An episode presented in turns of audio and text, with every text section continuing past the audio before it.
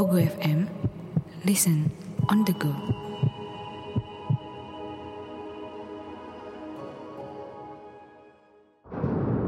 Hai, saya Chow Sing Sing. Selamat datang di podcast Horror Night Story. Pasang telinga, buka pikiran, dan biarkan rasa takut merayap di dalam dirimu. Selamat mendengarkan.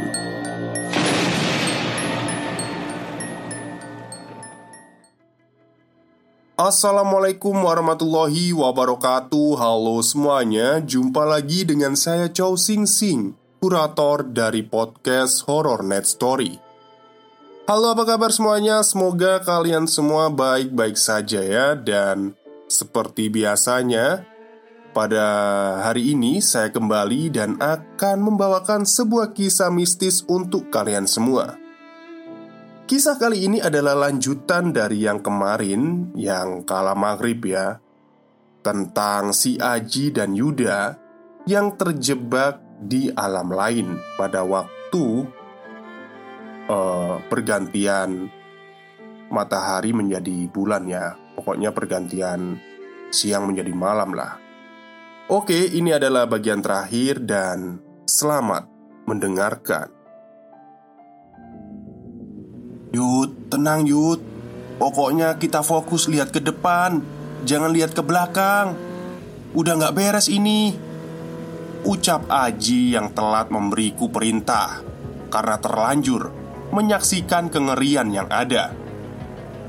Atur nafas Yud, atur nafas. Kita bisa kok keluar dari sini. Ucap Aji kembali Mencoba terus menenangkan saya. Namun Semakin terus dicoba, hasilnya tetap sama. Nafas saya masih terengah-engah. Saya belum bisa menenangkan diri. Masih terus terbayang dengan apa yang barusan saya alami. Saya mencoba memejamkan mata, mencoba untuk bisa lebih tenang. Sesaat saya bisa merasakan aliran nafas sedikit bisa saya atur. Perlahan saya buka mata, dan hal yang tak diinginkan itu terjadi. Sosok orang tua berdiri di hadapan kami, tepat berada di tengah-tengah jalan. Aji yang sedari tadi memacu kecepatan motornya, seperti orang kesetanan tak bisa menguasai kendali. Motor yang kami kendarai tergelincir karena Aji telat menyadari sosok orang tua yang entah dari mana datangnya. Segalanya terjadi begitu cepat. Suara keras motor terjatuh sempat terdengar hingga akhirnya saya terpental entah sampai di mana. Yang bisa saya rasakan setelah kejadian singkat itu keadaan di sekitar begitu sunyi. Tubuh saya tergeletak di pinggir jalan. Pandangan saya mengarah ke langit, yang pada saat itu masih sama keadaannya. Langit waktu maghrib dengan sedikit cahaya yang masih bisa terlihat. Tanda sang surya belum sepenuhnya menghilang.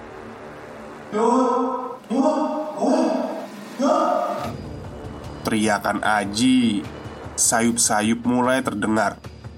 Mengarah ke tempat saya tergeletak. Cepat-cepat dia membangunkan tubuh saya. Hati-hati Yud, hati-hati Ucap Aji panik. Kemudian Aji membantu saya bangun. Saya terduduk Dia mengamati sekitar tak ada apa pun yang saya temukan selain Aji dan tepi jurang yang berada persis ada di depan saya.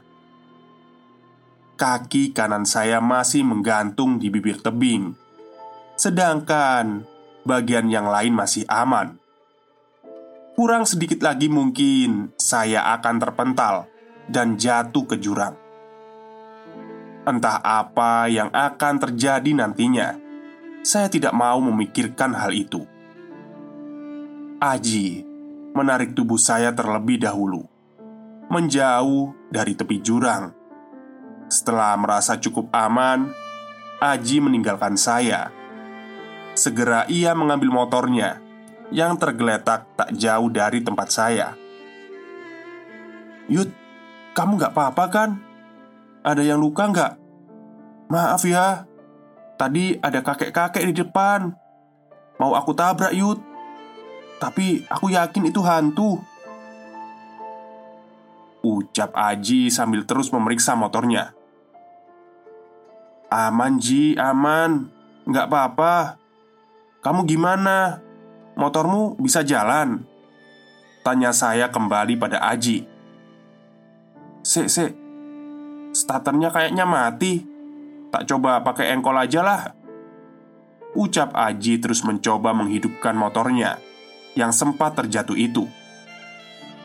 Saya Yang masih terduduk Terus memeriksa kondisi badan.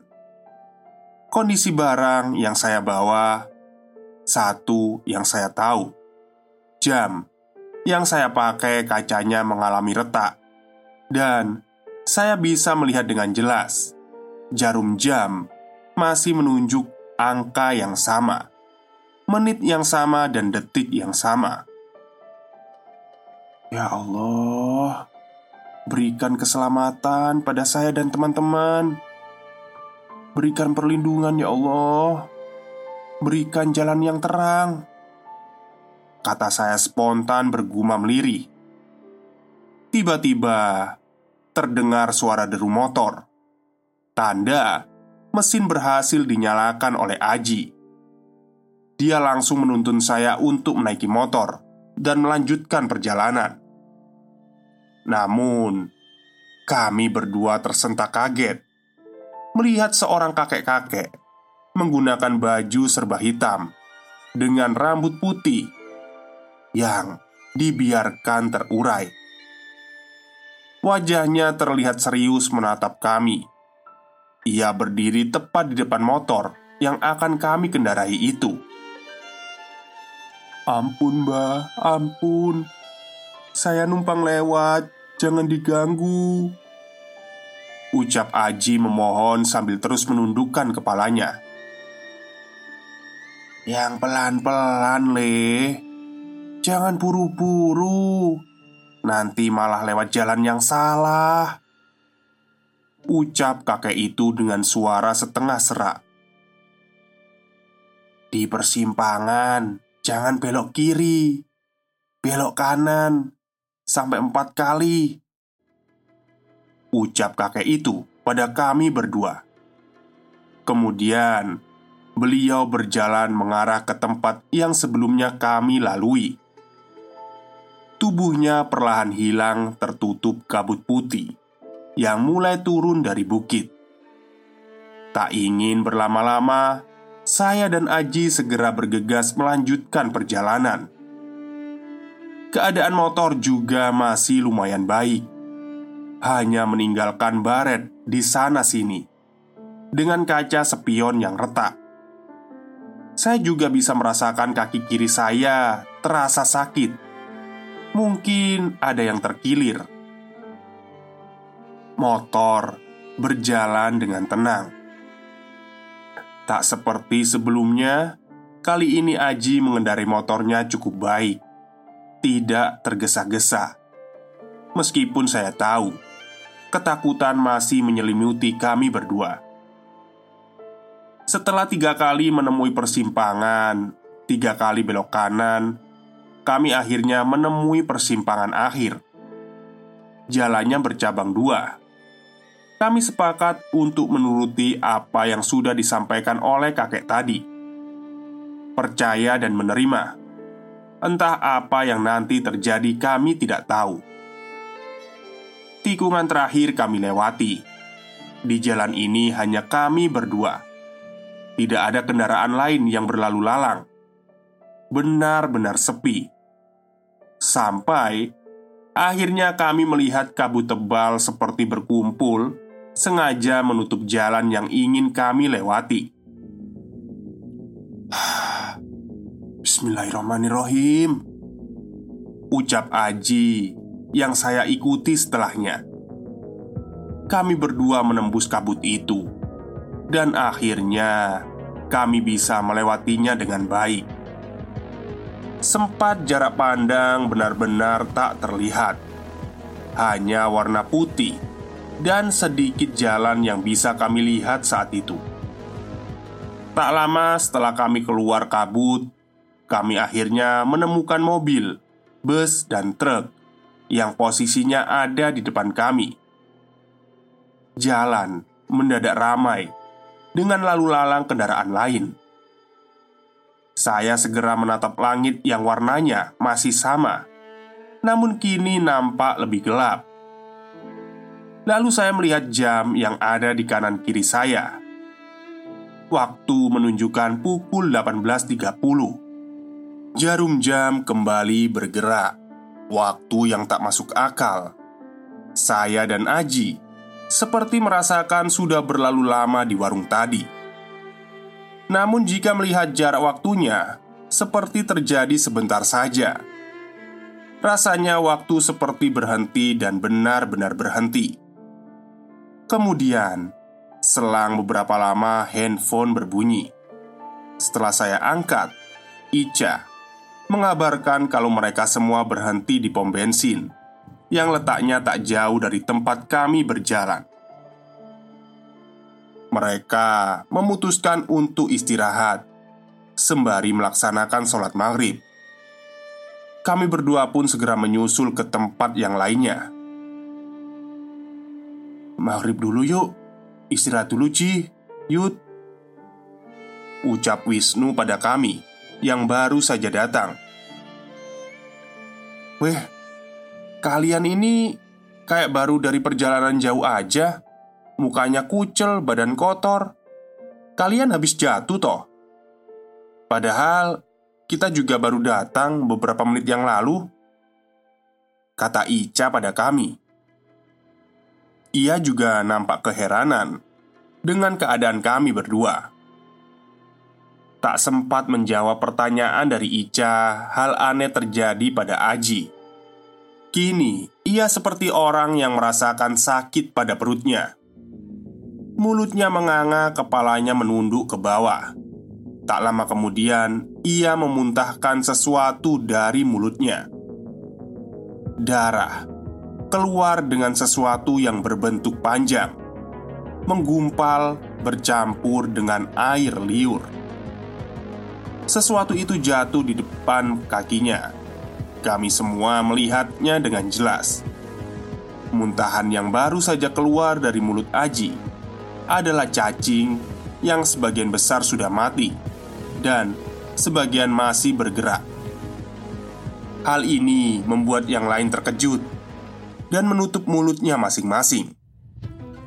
Tak berselang lama, saya juga memuntahkan sesuatu dari mulut saya Darah kental keluar dari mulut saya, jatuh, dan mengotori sepatu yang saya pakai. Warnanya hitam pekat, bau busuk menyeruak, membuat semua teman kami saling pandang. Melihat keganjilan yang kami tunjukkan di hadapan mereka semua, ya Allah, Yud, Aji, kalian ini kenapa? Tanya Farah setelah ia berteriak histeris melihat keadaan saya dan Aji. Saya tidak bisa menjawab apa-apa. Tiba-tiba tubuh saya terasa sangat lemas. Melihat hal itu Beberapa teman kami langsung mencari bantuan Terutama Ica Yang ternyata punya saudara yang rumahnya berdekatan Dengan lokasi saat kami beristirahat Ica segera menghubunginya dan meminta bantuan agar datang secepatnya. Saya yang terduduk lemas hanya bisa melihat kepanikan yang terjadi. Sambil sesekali ingatan saya mengingat wajah gadis itu. Setelah beberapa menit berlalu, Aji dan saya hanya bisa terduduk lemas. Keadaan juga sudah lebih kondusif. Tak lama berselang, om dari Ica datang. Saya dan Aji menceritakan apa yang kami alami saat di perjalanan tadi. saat kami berdua terpisah dari yang lainnya. Kamu masuk alam mereka ya, Li? Kamu makan apa yang disajikan mereka. Tapi untung kalian bisa selamat. Om saranin aja, kamu nggak usah melanjutkan perjalanan ini. Malam ini kalian semua tidur di rumahnya Om aja ya. Nanti Om minta bantuan Mbah yang jadi tokoh masyarakat di kampung Om. Kamu dan temanmu harus dibersihkan dulu ini Biar tidak ada malapetaka yang mengikuti kalian. Ucap Om dari Ica yang dikenal dengan nama Om Lasno. Kami pun sepakat untuk menginap di rumah Om Lasno saja. Sepakat untuk diobati oleh Mbah yang diceritakan oleh beliau. Sepakat untuk tidak melanjutkan perjalanan kami Ya, ada hikmah yang bisa kami ambil di sini. Bahwasanya hanya cukup sesaat kita berhenti saat pergantian waktu maghrib. Mendengarkan kumandang adzan sebentar Lalu mencari tempat untuk istirahat di kala petang datang. Hanya menuruti tradisi yang ada. Hanya cukup meluangkan waktu sebentar saja. Itu semua juga demi keselamatan Pikiran saya terus menerawang, membayangkan kemungkinan-kemungkinan yang bisa saja terjadi saat saya dan Aji terpisah dari rombongan.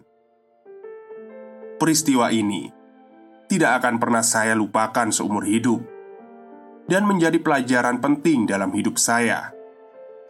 Kadang, hal yang tak masuk akal bisa terjadi. Tak jarang, nyawa bisa melayang karena sikap tidak peduli kami.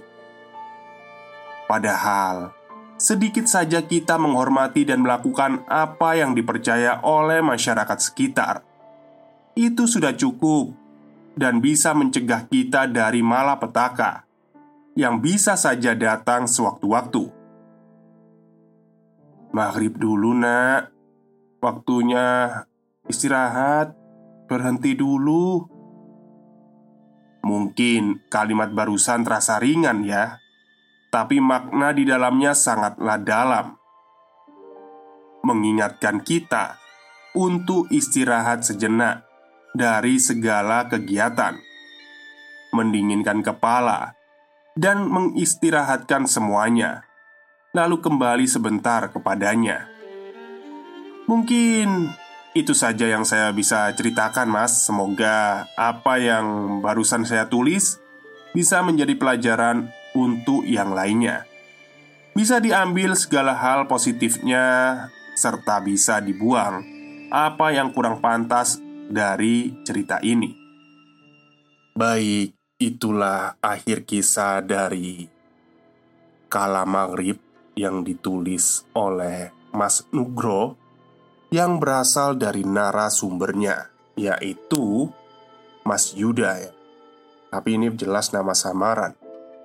Oke, mungkin itu saja cerita untuk hari ini. Semoga kalian semua terhibur. Selamat siang dan selamat beristirahat.